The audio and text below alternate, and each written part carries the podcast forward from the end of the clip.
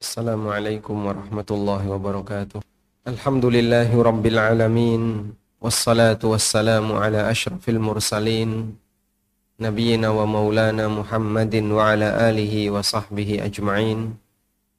وأشهد أن لا إله إلا الله وحده لا شريك له. وأشهد أن محمدا عبده ورسوله صلى الله عليه وعلى آله وصحبه ومن تبعهم بإحسان إلى يوم الدين. Alhamdulillah puji syukur kita haturkan kehadirat Allah Subhanahu wa taala. Di kesempatan pagi hari ini kembali kita melanjutkan kajian rutin dengan membaca buku Riyadhus Salihin. Insyaallah kita akan membaca hadis nomor 35. Wa an ibni Abi Rabah dari Atha bin Abi Rabah. Qala Qala li Ibnu Abbas radhiyallahu anhuma Ibnu Abbas pernah menyampaikan kepadaku. Qala li Ibnu Abbas. Ibnu Abbas pernah menyampaikan kepada Atha. Ala urika imra'atan min ahlil jannah. Maukah kutunjukkan kepadamu wanita penduduk surga? Fakultu bala. Maka Atha mengatakan, "Oh ya." Qala hadhil mar'atus sauda wanita yang berkulit hitam itu. Atatin Nabiya sallallahu alaihi wasallam dia mendatangi Nabi sallallahu alaihi wasallam faqala. Lalu wanita ini mengadukan inni usra. Saya terkena penyakit usra apa? Ayan. Wa inni atakasyaf. Dan saya membuka aurat ketika sedang kumat sehingga kalau lagi sakit dia menyingkap auratnya. Kalau normal ya dia bisa hidup normal. Allah ta'ala li maka dia datang kepada Nabi SAW minta obat dan obatnya Nabi SAW adalah doa beliau atau rukyah beliau maka doakan kepada Allah agar Allah menyembuhkan Kala kemudian Nabi SAW mengatakan in syi'ti sabarti, kalau kamu mau, kamu bisa bersabar, bertahan dalam kondisi sakit ini, walakil jannah, dan kamu dapat surga. Sehingga menanggung sakit itu sampai mati. Wa in syi'ti da'autullaha ta'ala ayyu'afiki. Dan kalau kamu mau, aku bisa doakan kepada Allah untuk menyembuhkanmu. Faqalat Kemudian wanita ini mengatakan, asbir, aku pilih sabar. Faqalat, lalu wanita ini mengatakan, inni atakasyafu fad'ullaha alla atakasyafa. Saya kalau lagi kumat itu buka aurat. Doakan kepada Allah agar aku tidak membuka aurat. Fada'alaha, kemudian Nabi SAW mendoakannya agar ketika kumat tidak membuka aurat. Muttafaqun alaih, hadis riwayat Bukhari Muslim. Dan wanita ini masih hidup setelah wafatnya Nabi Sallallahu Alaihi Wasallam. Sehingga saat beliau sedang sakit, lalu minta obat kepada Rasulullah SAW, dikasih pilihan seperti tadi, dan beliau milih bertahan dalam kondisi sakit. Setelah wafatnya Nabi SAW, wanita ini masih hidup. Dan ditunjukkan oleh Ibnu Abbas keberadaan wanita ini kepada Atok yang ini Atok adalah seorang tabi'in. Berarti dia hidup sampai di zaman tabi. Baik. Sekarang kita akan lihat uh, keterangan berkaitan dengan hadis ini. Jadi hadis ini menceritakan tentang kesabaran seseorang yang bertahan dalam kondisi sakit sampai sakit itu mengantarkan kepada kematiannya jaminannya surga. Maka orang-orang soleh masa silam mereka juga mengalami sakit. Bahkan Nabi Muhammad Sallallahu Alaihi Wasallam juga mengalami sakit.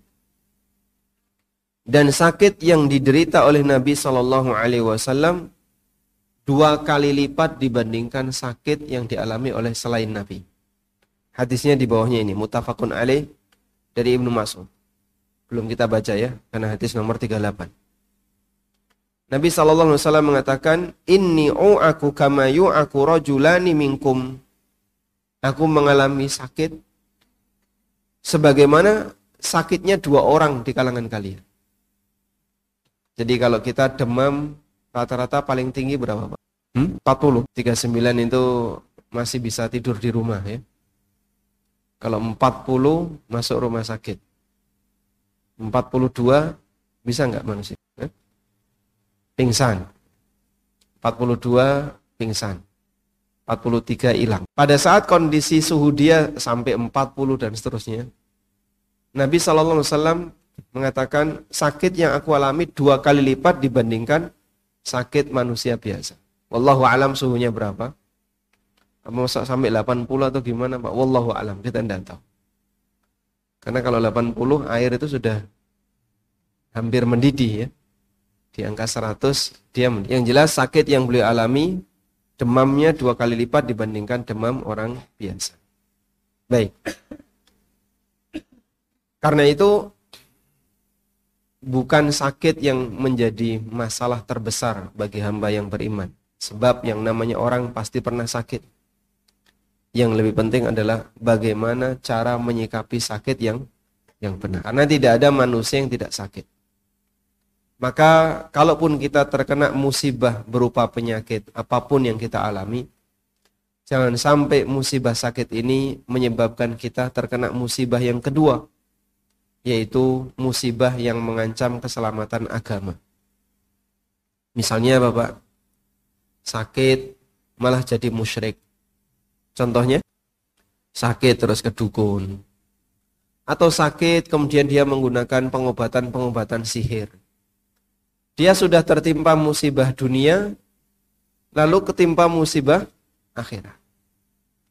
Makanya bagian dari doa Nabi Shallallahu Alaihi Wasallam, beliau mohon kepada Allah Subhanahu Wa Taala, wala taj'al wala taj'al musibatana janganlah engkau jadikan musibah musibatana fi dinina.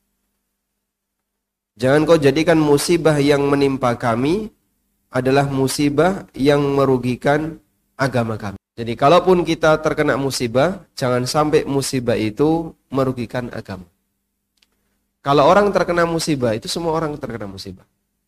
Tapi kalau sampai merugikan agama, ini bisa lebih berbahaya.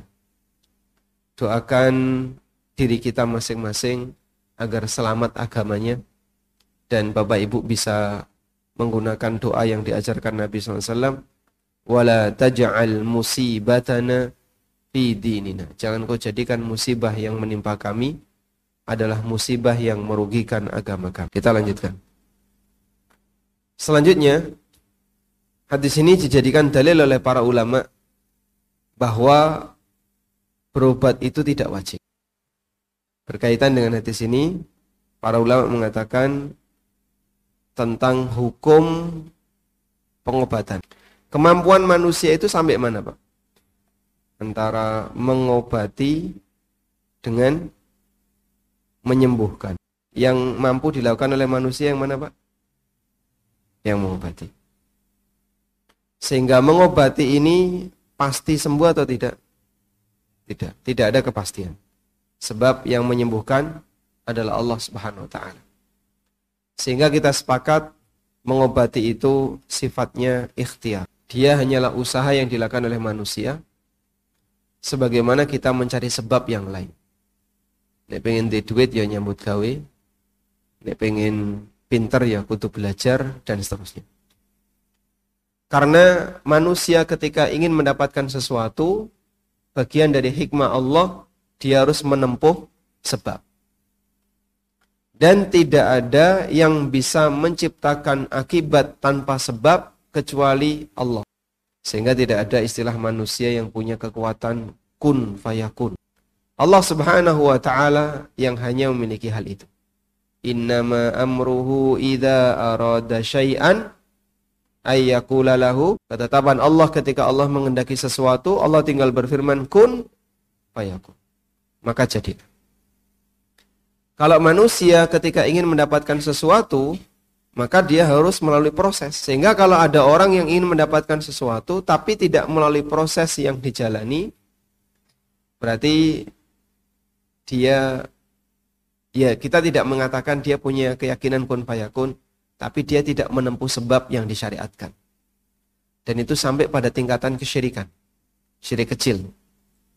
Misalnya ya, pengen pinter terus ngopo Al-Qur'an itu dibuat teh celup teh celup Al-Quran. Terus diminum. Ini manfaatnya apa? Ya nanti biar hafal Quran. Masya Allah. Ya enggak bisa kayak gini. Yang namanya pinter itu prosesnya adalah belajar innamal ilmu bitta'allum kata Nabi SAW yang namanya ilmu itu didapatkan melalui proses belajar. Atau pengen sembuh terus suruh megang batu. Cekeli geget. Waktu ini kan geget. Kemudian aneka cara yang lain. Saya pernah diberitahu ya oleh salah satu guru. Jadi kalau ada orang yang sakit gigi, ya, terus datang ke kiai, kemudian dia dikasih benda tertentu, suruh gigit. Ayo geget. Terus kiai ini nih bawa palu sama paku, ditutuk. Geget sing kuat. Nah, kalau nutuk paku. Andai kan cara seperti ini berhasil dan bisa diterapkan untuk semua masyarakat, fakultas kedokteran gigi tutup saja. Lebih praktis ini daripada yang rumit kayak gitu. Masya Allah. Tapi kadang orang ya percaya yang seperti ini. Tayyip.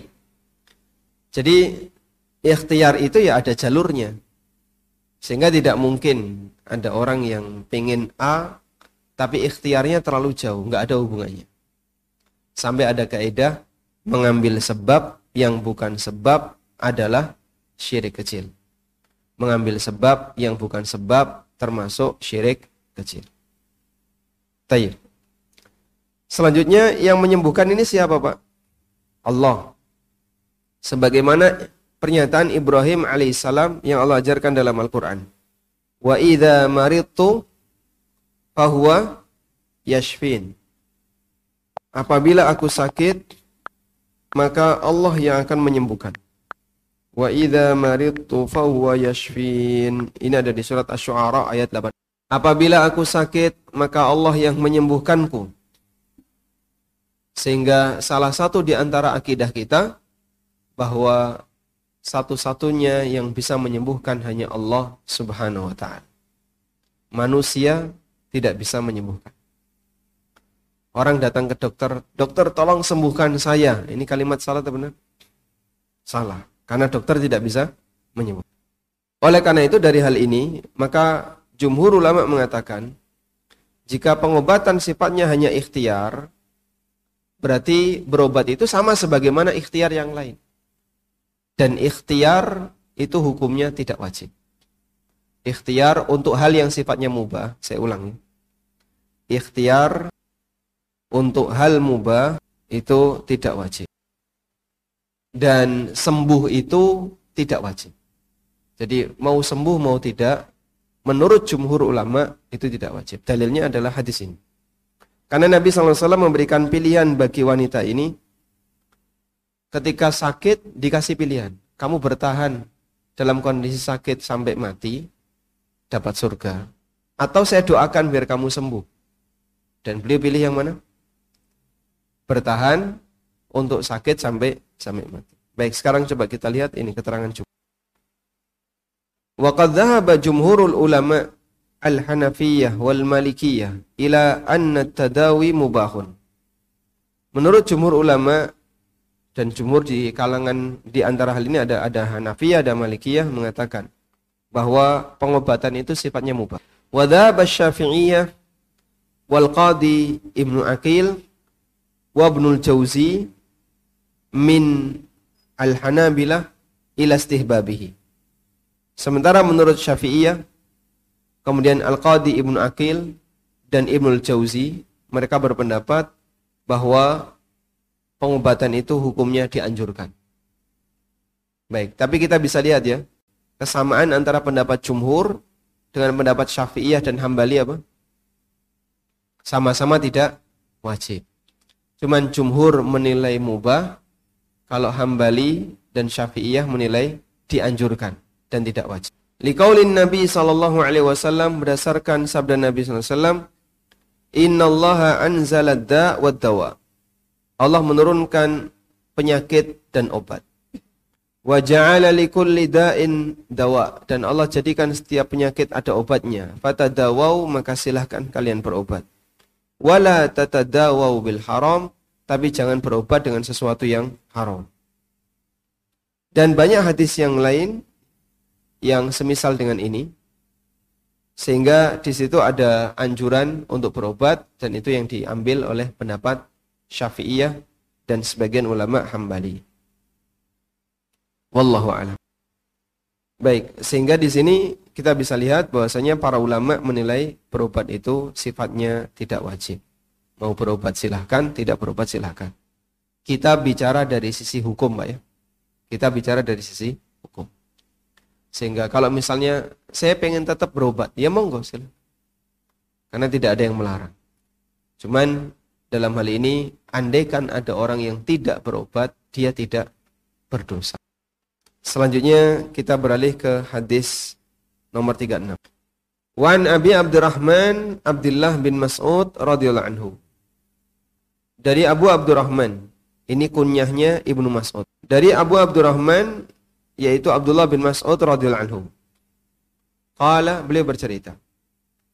Ka'anni anduru ila Rasulillah sallallahu alaihi wasallam yahki nabiyyan minal anbiya' Aku melihat nampaknya Nabi Shallallahu Alaihi Wasallam sedang menceritakan para nabi masa silam.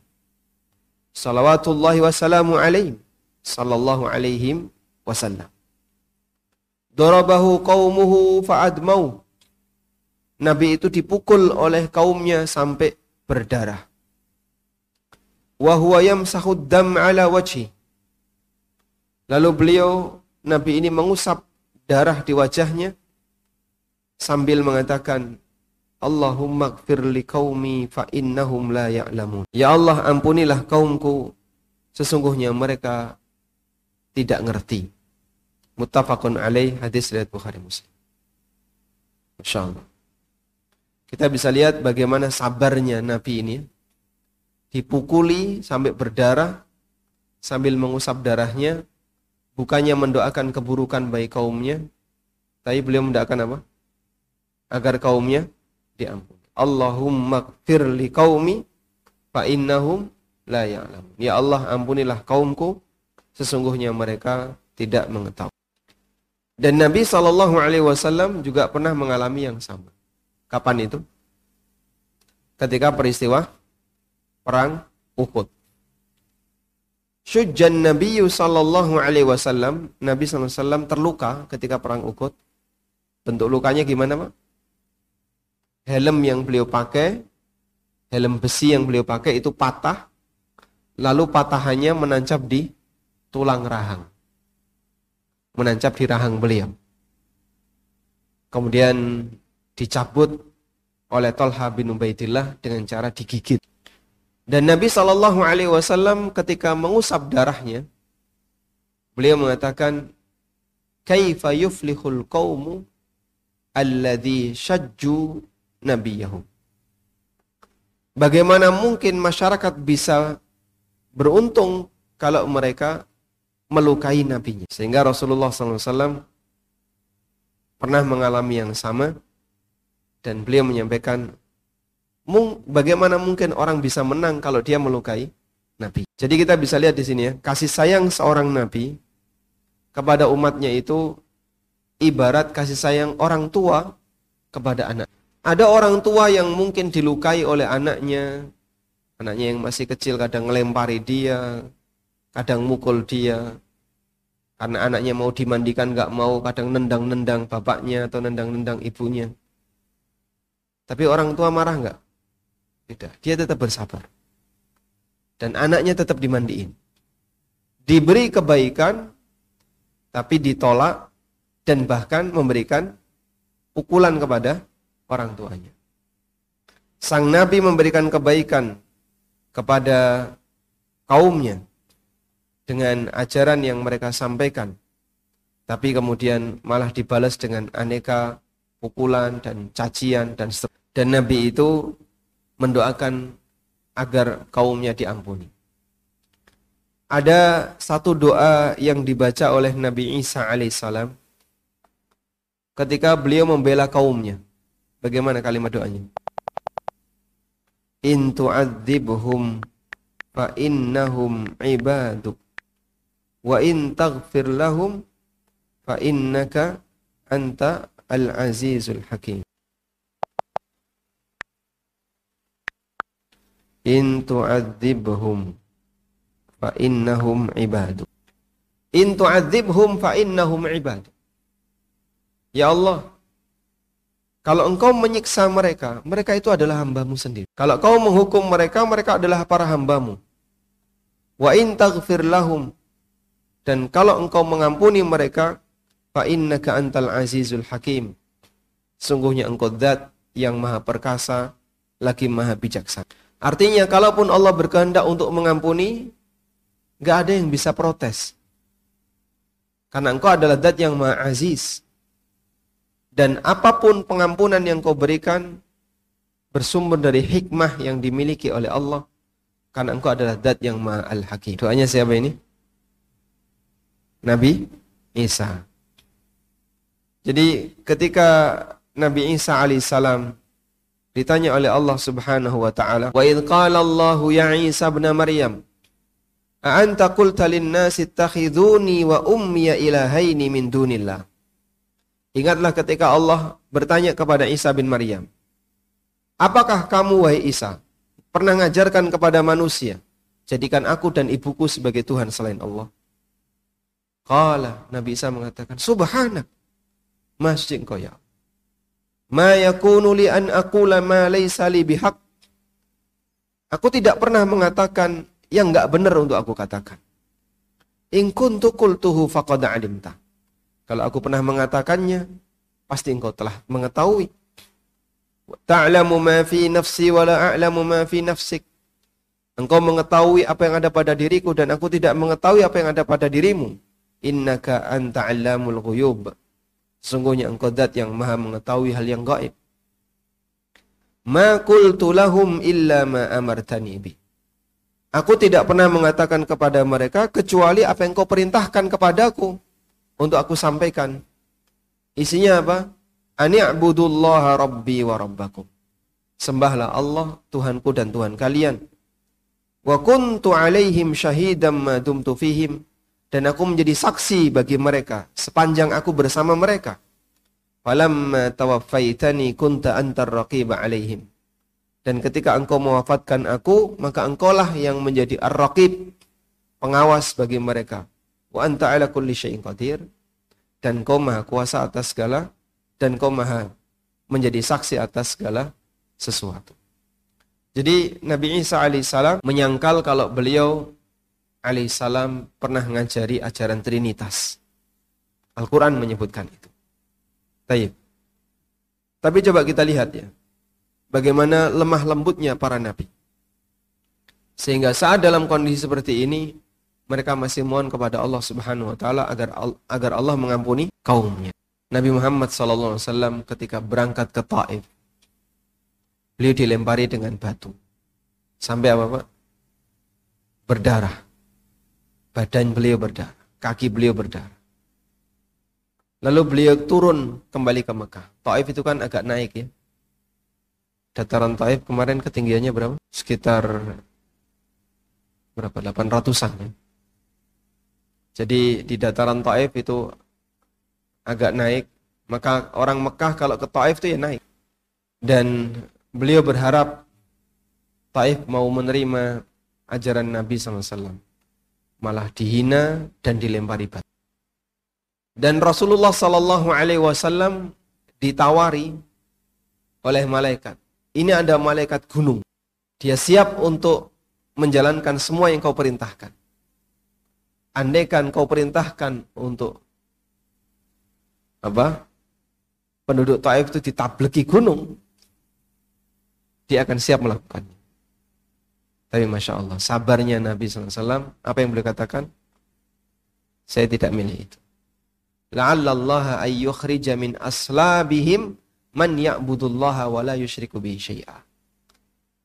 Semoga Allah Subhanahu wa taala mengeluarkan dari anak turun mereka generasi yang akan beribadah kepada Allah semata dan tidak menyekutukannya dengan sesuatu apa pun. Maka kalau ada di masa sekarang misalnya dakwah di satu masjid ditolak atau dakwah di tempat yang lain ditolak, kita punya harapan besar. Memang bisa jadi tidak sekarang. Hasil mungkin belum kelihatan untuk saat ini. Dan bisa jadi hasil itu baru kelihatan setelah orangnya meninggal. Wallahu alam. Seperti yang kemarin kita sampaikan ya. Masuknya Islam orang yang disiksa oleh ashabul ukhdud setelah apa? Pemuda yang menjadi penyebab mereka masuk Islam meninggal. Jadi hasilnya baru muncul setelah pejuangnya meninggal. Kemudian kita lanjutkan satu hadis lagi. Wa an Abi Sa'idin wa Abi Hurairah radhiyallahu anhuma. Dari Abu Sa'id Al-Khudri dan Abu Hurairah radhiyallahu anhuma dari Nabi sallallahu alaihi wasallam beliau bersabda Ma yusibul muslima min nasabin wala wasabin wala hammin wala hazanin wala adha wala ghammin hatta syaukatu yushakuha. Apa pun yang menimpa seorang muslim baik berupa nasab nasab itu artinya kelelahan capek wala wasabin atau penyakit dia mengalami sakit wala hammin atau bingung wala hazanin atau sedih. Wala adzan atau gangguan apa pun. Wala ghammin atau keresahan. Sehingga apa pun yang menimpa seorang muslim berupa sesuatu yang tidak enak lahir batin hatta syaukatu yushakuha sampai duri yang menancap pada dirinya illa kafarallahu biha min khatayahu Allah akan jadikan itu semua sebagai kafarah untuk dosa-dosanya Allah jadikan itu semua sebagai kafarah untuk dosa-dosa dan ini bisa dialami oleh seorang muslim apabila dia bersabar. Di sini ada keterangan di footnote ya. Al-masaib takunu ala wajhain. Musibah itu ada dua. Taratan terkadang idza usibal insan tadakkaral ajr. Terkadang seseorang ketika terkena musibah dia mengenang nilai pahalanya wahtasaba hadhil musibah 'ala Allah dan dia mengharapkan pahala dari Allah dengan musibah ini. Wa yakunu fiha faidatan maka dalam hal ini ada dua manfaat yang bisa dia dapatkan. Pertama, takfirudz dzunub musibah itu bisa menjadi kafarah dosa dan yang kedua ziyadatul hasanat tambahan pahala. Wa taratan yaghfulu an hada dan terkadang orang itu nggak mikir pahala dengan musibah itu. Fayadhiqu sadrah sehingga membuat hatinya sesek. Wa yakfulu an niyatil ihtisab dan dia tidak memperhitungkan pahala dari musibah itu. Wal ajru 'ala Allah. Sementara pahala itu hanya milik Allah, fayakunu fi dzalika takfirun lisayyi'at. Maka dalam kondisi ini musibah tersebut bisa menjadi kafarah dosa. Idan huwa rabihun ala kulli halin. Sehingga seorang mukmin tetap beruntung mendapatkan keuntungan apa pun keadaan fi hadhil masaib ketika dia dapat musibah allati ta'tihi yang mendatanginya ada dua kemungkinan. Yang pertama bisa dia untung dengan dihapuskan dosa. Biduni ayah sulalahu ajrun tapi dia nggak dapat tambahan pahala. Karena dia tidak meniatkan pahala. Dan ada yang dia mendapatkan ampunan dosa tapi dia dapat pahala, eh, tapi dia tidak mendapatkan pahala. Jadi ada dua kemungkinan, bisa ampunan dosa saja, bisa yang kedua apa? Ampunan dosa dan dapat pahala. Jadi begini, ketika orang dapat musibah, kalau dia sabar saja, sabar itu artinya tidak melakukan perbuatan yang mengundang murka Allah. Tidak mengumpat, tidak mencela, tidak menghina Allah, tidak nesu-nesu, itu sabar. Sehingga rasanya perih di sini. Sabar itu kan perih ya. Enggak enak. Maka musibah yang dia alami menjadi kafaroh dosa. Yang kedua, ada orang yang dapat musibah, dia sabar dan ihtisab. Ihtisab itu mengharap pahala. Sehingga dalam hatinya dia memperhitungkan nilai pahala dengan keberadaan musibah yang dia dapat. Sabar-sabar ya, untuk loro sabar. Kemudian dia berharap semoga dengan ini nanti akan bisa mendapatkan pahala. Maka yang dia dapatkan dua. Kafaroh dosa dan tambahan pahala. Sehingga orang bisa mendapatkan hal yang berbeda tergantung bagaimana cara menyikapi musibah. Kalau cara menyikapinya benar, dia bisa dapat ganda. Tapi kalau cara menyikapinya hanya sebatas sabar saja, maka itu bisa menjadi kafaroh dosa. Nek gak sabar gimana pak? Malah dosa. Ada orang dapat musibah, kalau dia nggak sabar, malah dosa. Sehingga sabar itu batas minimal yang paling bawah ketika orang dapat musibah. Misalnya dapat musibah terus muni-muni terus. Bermuni-muni mah itu. Berma itu banting. Tupperware. Eh? Yang dipilihkan itu ya. Makanya orang pecah gitu. Eh, kalau pecah diganti ya. Garansi seumur hidup. Nah yang seperti ini bisa jadi musibah yang dia dapatkan tidak mendatangkan pahala tapi justru menambah dosa. Wallahu a'lam. Walhamdulillahi rabbil alamin. Hadisnya sahih tadi ya, muttafaqun alaih. Baik. Mungkin demikian yang bisa kita sampaikan. Semoga bermanfaat. Ada yang mau disampaikan silahkan. Monggo Pak Kalik. Dan uh, orang itu dari Kalimantan itu bagaimana Tad? Saya tidak tahu ya. Oh, iya. Jadi mereka ibu tidak Kalimantan mengikuti itu berita bisa menyembuhkan iya. Maksudnya pakai ini dulu bajaga itu? Sepertinya pakai minyak minyak gitu. Pakai minyak. minyak iya. Jadi orang Kalimantan mengobati pakai minyak asli Kalimantan. Tidak tahu saya. Jadi bisa langsung sembuh gitu. Seketika? Iya. Masya Allah. Tulang-tulang. Hmm, Masya Allah. Ya kalau itu terbukti secara medis berarti insya Allah bukan praktek perdukunan ya.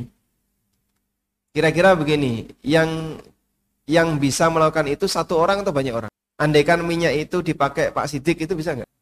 Belum dicoba. Pak Sidik membuka praktek pengobatan alternatif pakai minyak yang sama dengan metode yang sama bisa nggak? Belum tahu ya.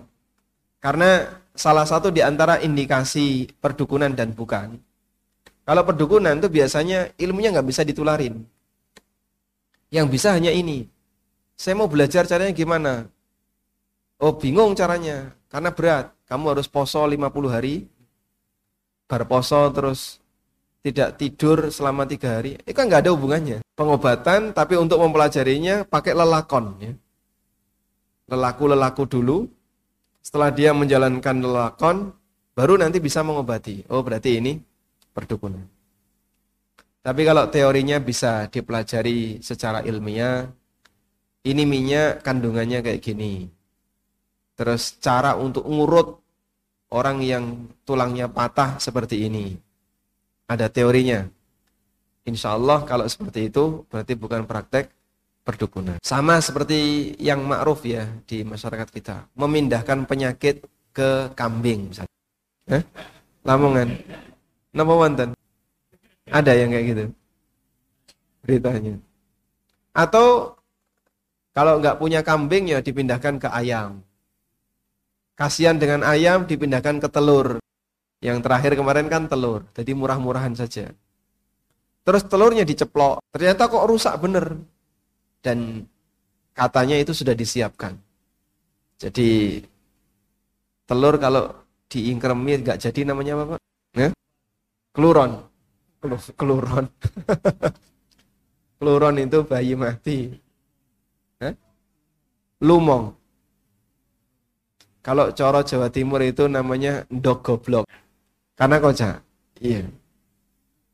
Orang Lamongan nyebut telur seperti ini dierami kok nggak jadi, itu kan rusak dalamnya ya. Atau dikocok. Nah itulah yang dijadikan sebagai objek pemindahan penyakit. Ya betul ketika dipecah ya bau sekali. Karena isinya rusak. Dan ini rata-rata hanyalah permainan perdukunan. Dan biasanya efek perdukunan itu nggak tahan lama. Nanti nek jini wis bosen ya balik lagi dia. Sebab dia menggunakan tenaga jin. Misalnya dibuat jadi seperti nyaman dan seterusnya.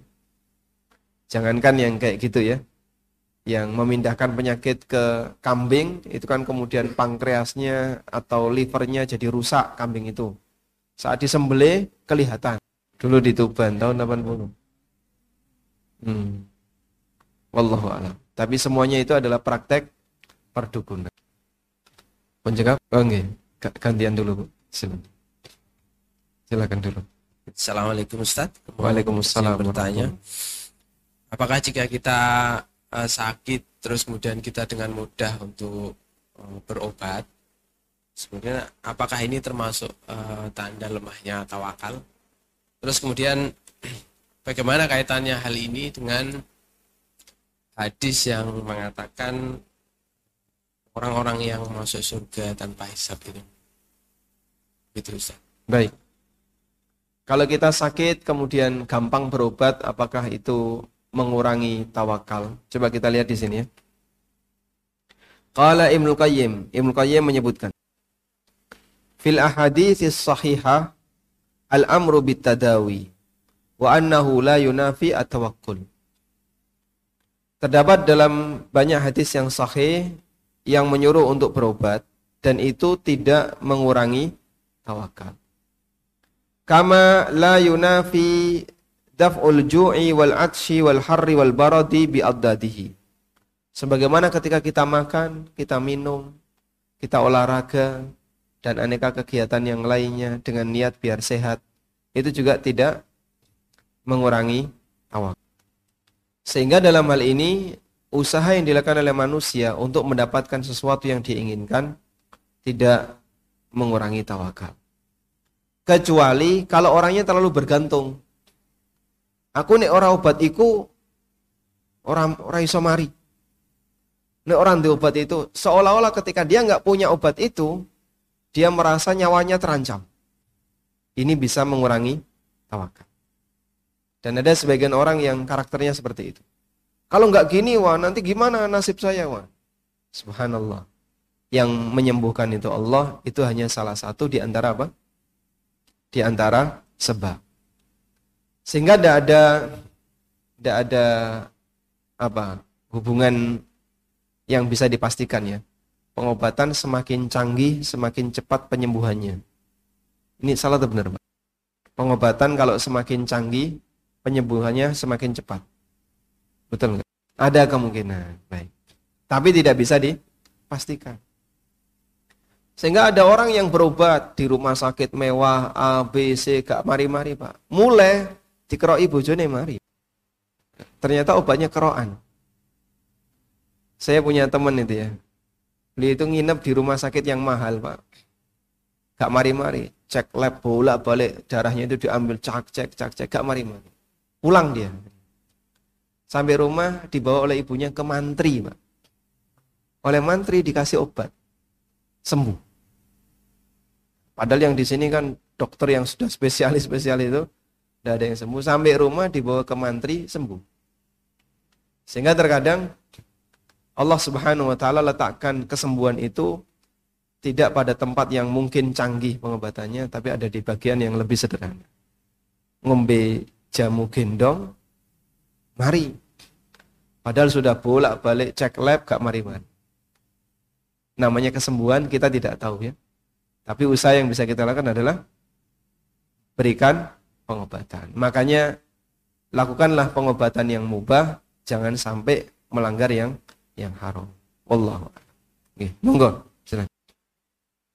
Silakan. Waalaikumsalam warahmatullahi Uh, Ustadz, saya ingin menanyakan ya tadi bahwa kalau orang sabar itu nanti pertama mendapatkan uh, ampunan dosa dan kemudian kalau diniatkan untuk mendapatkan pahala dia akan tambah gitu ya.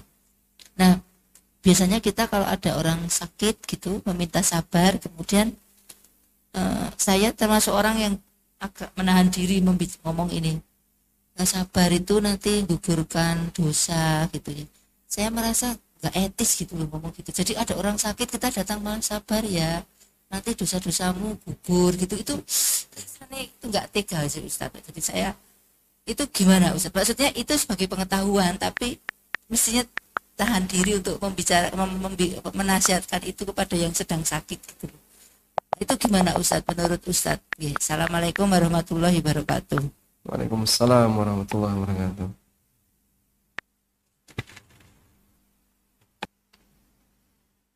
Coba kita lihat hadis ini ya. Kita lihat hadis ini. Hadisnya riwayat Bukhari dari Ibnu Abbas radhiyallahu anhu. Anna Rasulullah sallallahu alaihi wasallam dakhala ala a'rabiyyin ya'udu. Nabi sallallahu alaihi wasallam pernah menjenguk orang Badui, Arabi yang sedang sakit. Faqala lalu beliau menasihatkan kepada badui ini, la ba'sa alaika, enggak apa-apa. Tahurun insyaallah, insyaallah ini membersihkan dosa.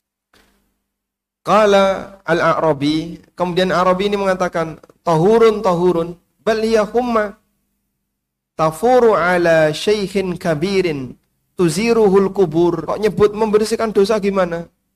Ini tuh demam yang sedang dialami oleh orang tua, sebentar lagi akan mengantarkan dia ke kuburan. Kalau Nabi SAW, Fana'am idan. Ya kalau begitu iya. Setelah itu dia mati. Setelah dia ngomong kayak gitu, Badui tadi. Ini tuh kak, saya sedang demam. Demam dialami oleh orang tua, sebentar lagi akan mengantarkan dia ke kuburan. Nabi SAW mengatakan, Fana'am idan. Ya nek ngono bener. Terus Badui tadi mati. Makanya ketika menjenguk orang sakit ya memberikan nasihat sabar semoga mengukurkan dosa itu sebenarnya membesarkan membesarkan apa hatinya kok gak terima kon sabar sabar mengukurkan dosa wong lagi loro kok diomongi kaya ngono misalnya ya terus dia bilang dilongkas ki arep modar oh ya nek ngono iya bisa jadi bisa jadi doa itu mustajab.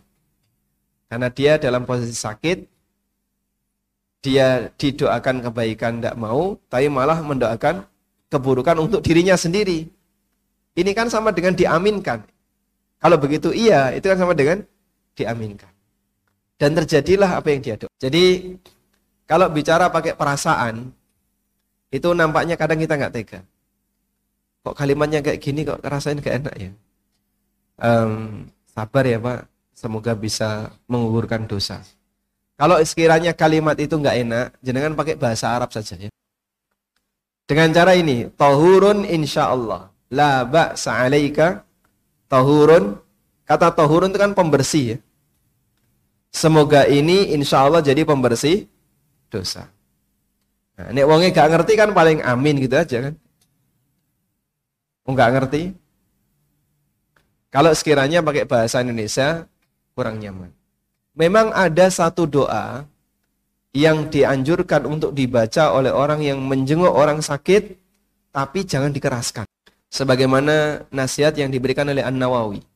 Doanya gimana? Alhamdulillahilladzi afani mimma btalakallahu bihi wa faddalani ala kathirin mimman khalaqa tafdila.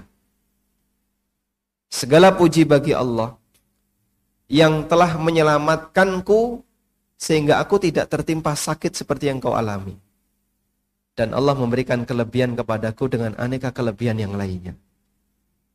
Kalimat ini kata An-Nawawi dibaca ketika melihat orang yang sakit tapi jangan dikeraskan.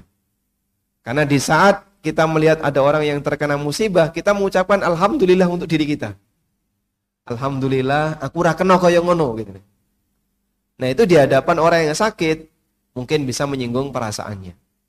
Makanya sebaiknya diucapkan dengan pelan. Apa fadilah dari doa ini, Pak? Apa fadilahnya, Pak? Siapa yang melihat ada orang yang terkena musibah lalu dia mengucapkan kalimat ini, maka Allah Subhanahu wa taala akan melindungi orang ini dari musibah tersebut. Makanya kalau misalnya Bapak Ibu merasa ketakutan dengan aneka ragam penyakit yang berwarna-warni itu, dengan datang ke rumah sakit, jenguk satu-satu masing-masing bangsal. Ini bangsal hemodialisa. Datang ke sana. Ada banyak orang Masya Allah. Temboknya berwarna merah. Saya pernah datang ke PKU di mana? Jalan Ahmad Dahlan. Banyak orang yang sedang cuci darah. Temboknya jadi suasana merah. Masya Allah. Lihat suasana kayak gini. Langsung mengucapkan kalimat itu berharap semoga ginjal ini sehat. Nanti datang ke bangsal jantung, melihat ada orang yang penuh dengan selang, kita baca doa kayak gitu. Nanti datang lagi ke bangsal paru-paru, baca doa seperti itu lagi. Sehingga di antara cara untuk melindungi diri dari aneka ragam penyakit, baca doa tadi ya. Alhamdulillahilladzi afani mimma betalakallahu bihi wa faddalani ala kathirin mimman khalaqa tafdila coba untukmu yang sedang sakit ini buku cukup lama dan buku ini kemarin sempat saya tak ulang tapi diterbitkan ya secara gratis dan dibagikan gratis terus sudah habis Hah? Sudah diperbanyak? Belum banyak. Kemarin saya sempat membuka peluang donasi, silahkan kalau mau donasi kita cetak banyak. Karena waktu pandemi kita cetak 6.000 atau 7.000 itu habis. Jadi dikirim-kirim ke rumah sakit ada ratusan. Nah doa tadi ada di buku ini. Yang di tempat saya hanya tinggal satu. Jadi kemarin Pak Hasin sempat minta lagi ya mohon maaf sudah habis. Wallahu alam. Eh bukunya ada nanti ibu bisa lihat di Google Playbooks. Kemudian dicari aja keywordnya untukmu yang sedang sakit. Buku ini dibagikan gratis di Google Playbook. Mencekap? Alhamdulillah. Baik. Jadi intinya mendoakan seperti yang tadi kita sebutkan, ini diajarkan oleh Nabi SAW. Insya Allah tidak masalah, sehingga anda bisa membaca Alhamdulillah uh, la ba'sa tahurun insyaallah atau kalimat yang semisal yang penting adalah membesarkan hatinya biar beliau tidak terlalu sedih dengan sakit yang dialami. Baik demikian yang bisa kita sampaikan. Semoga bermanfaat. Wassallallahu ala nabiyyina Muhammadin wa ala alihi wa sahbihi. Wa akhiru da'wana alhamdulillahi rabbil alamin. Subhanakallahumma wa bihamdika. Asyhadu an la ilaha illa anta astaghfiruka wa atubu ilaik. Wassalamualaikum warahmatullahi wabarakatuh.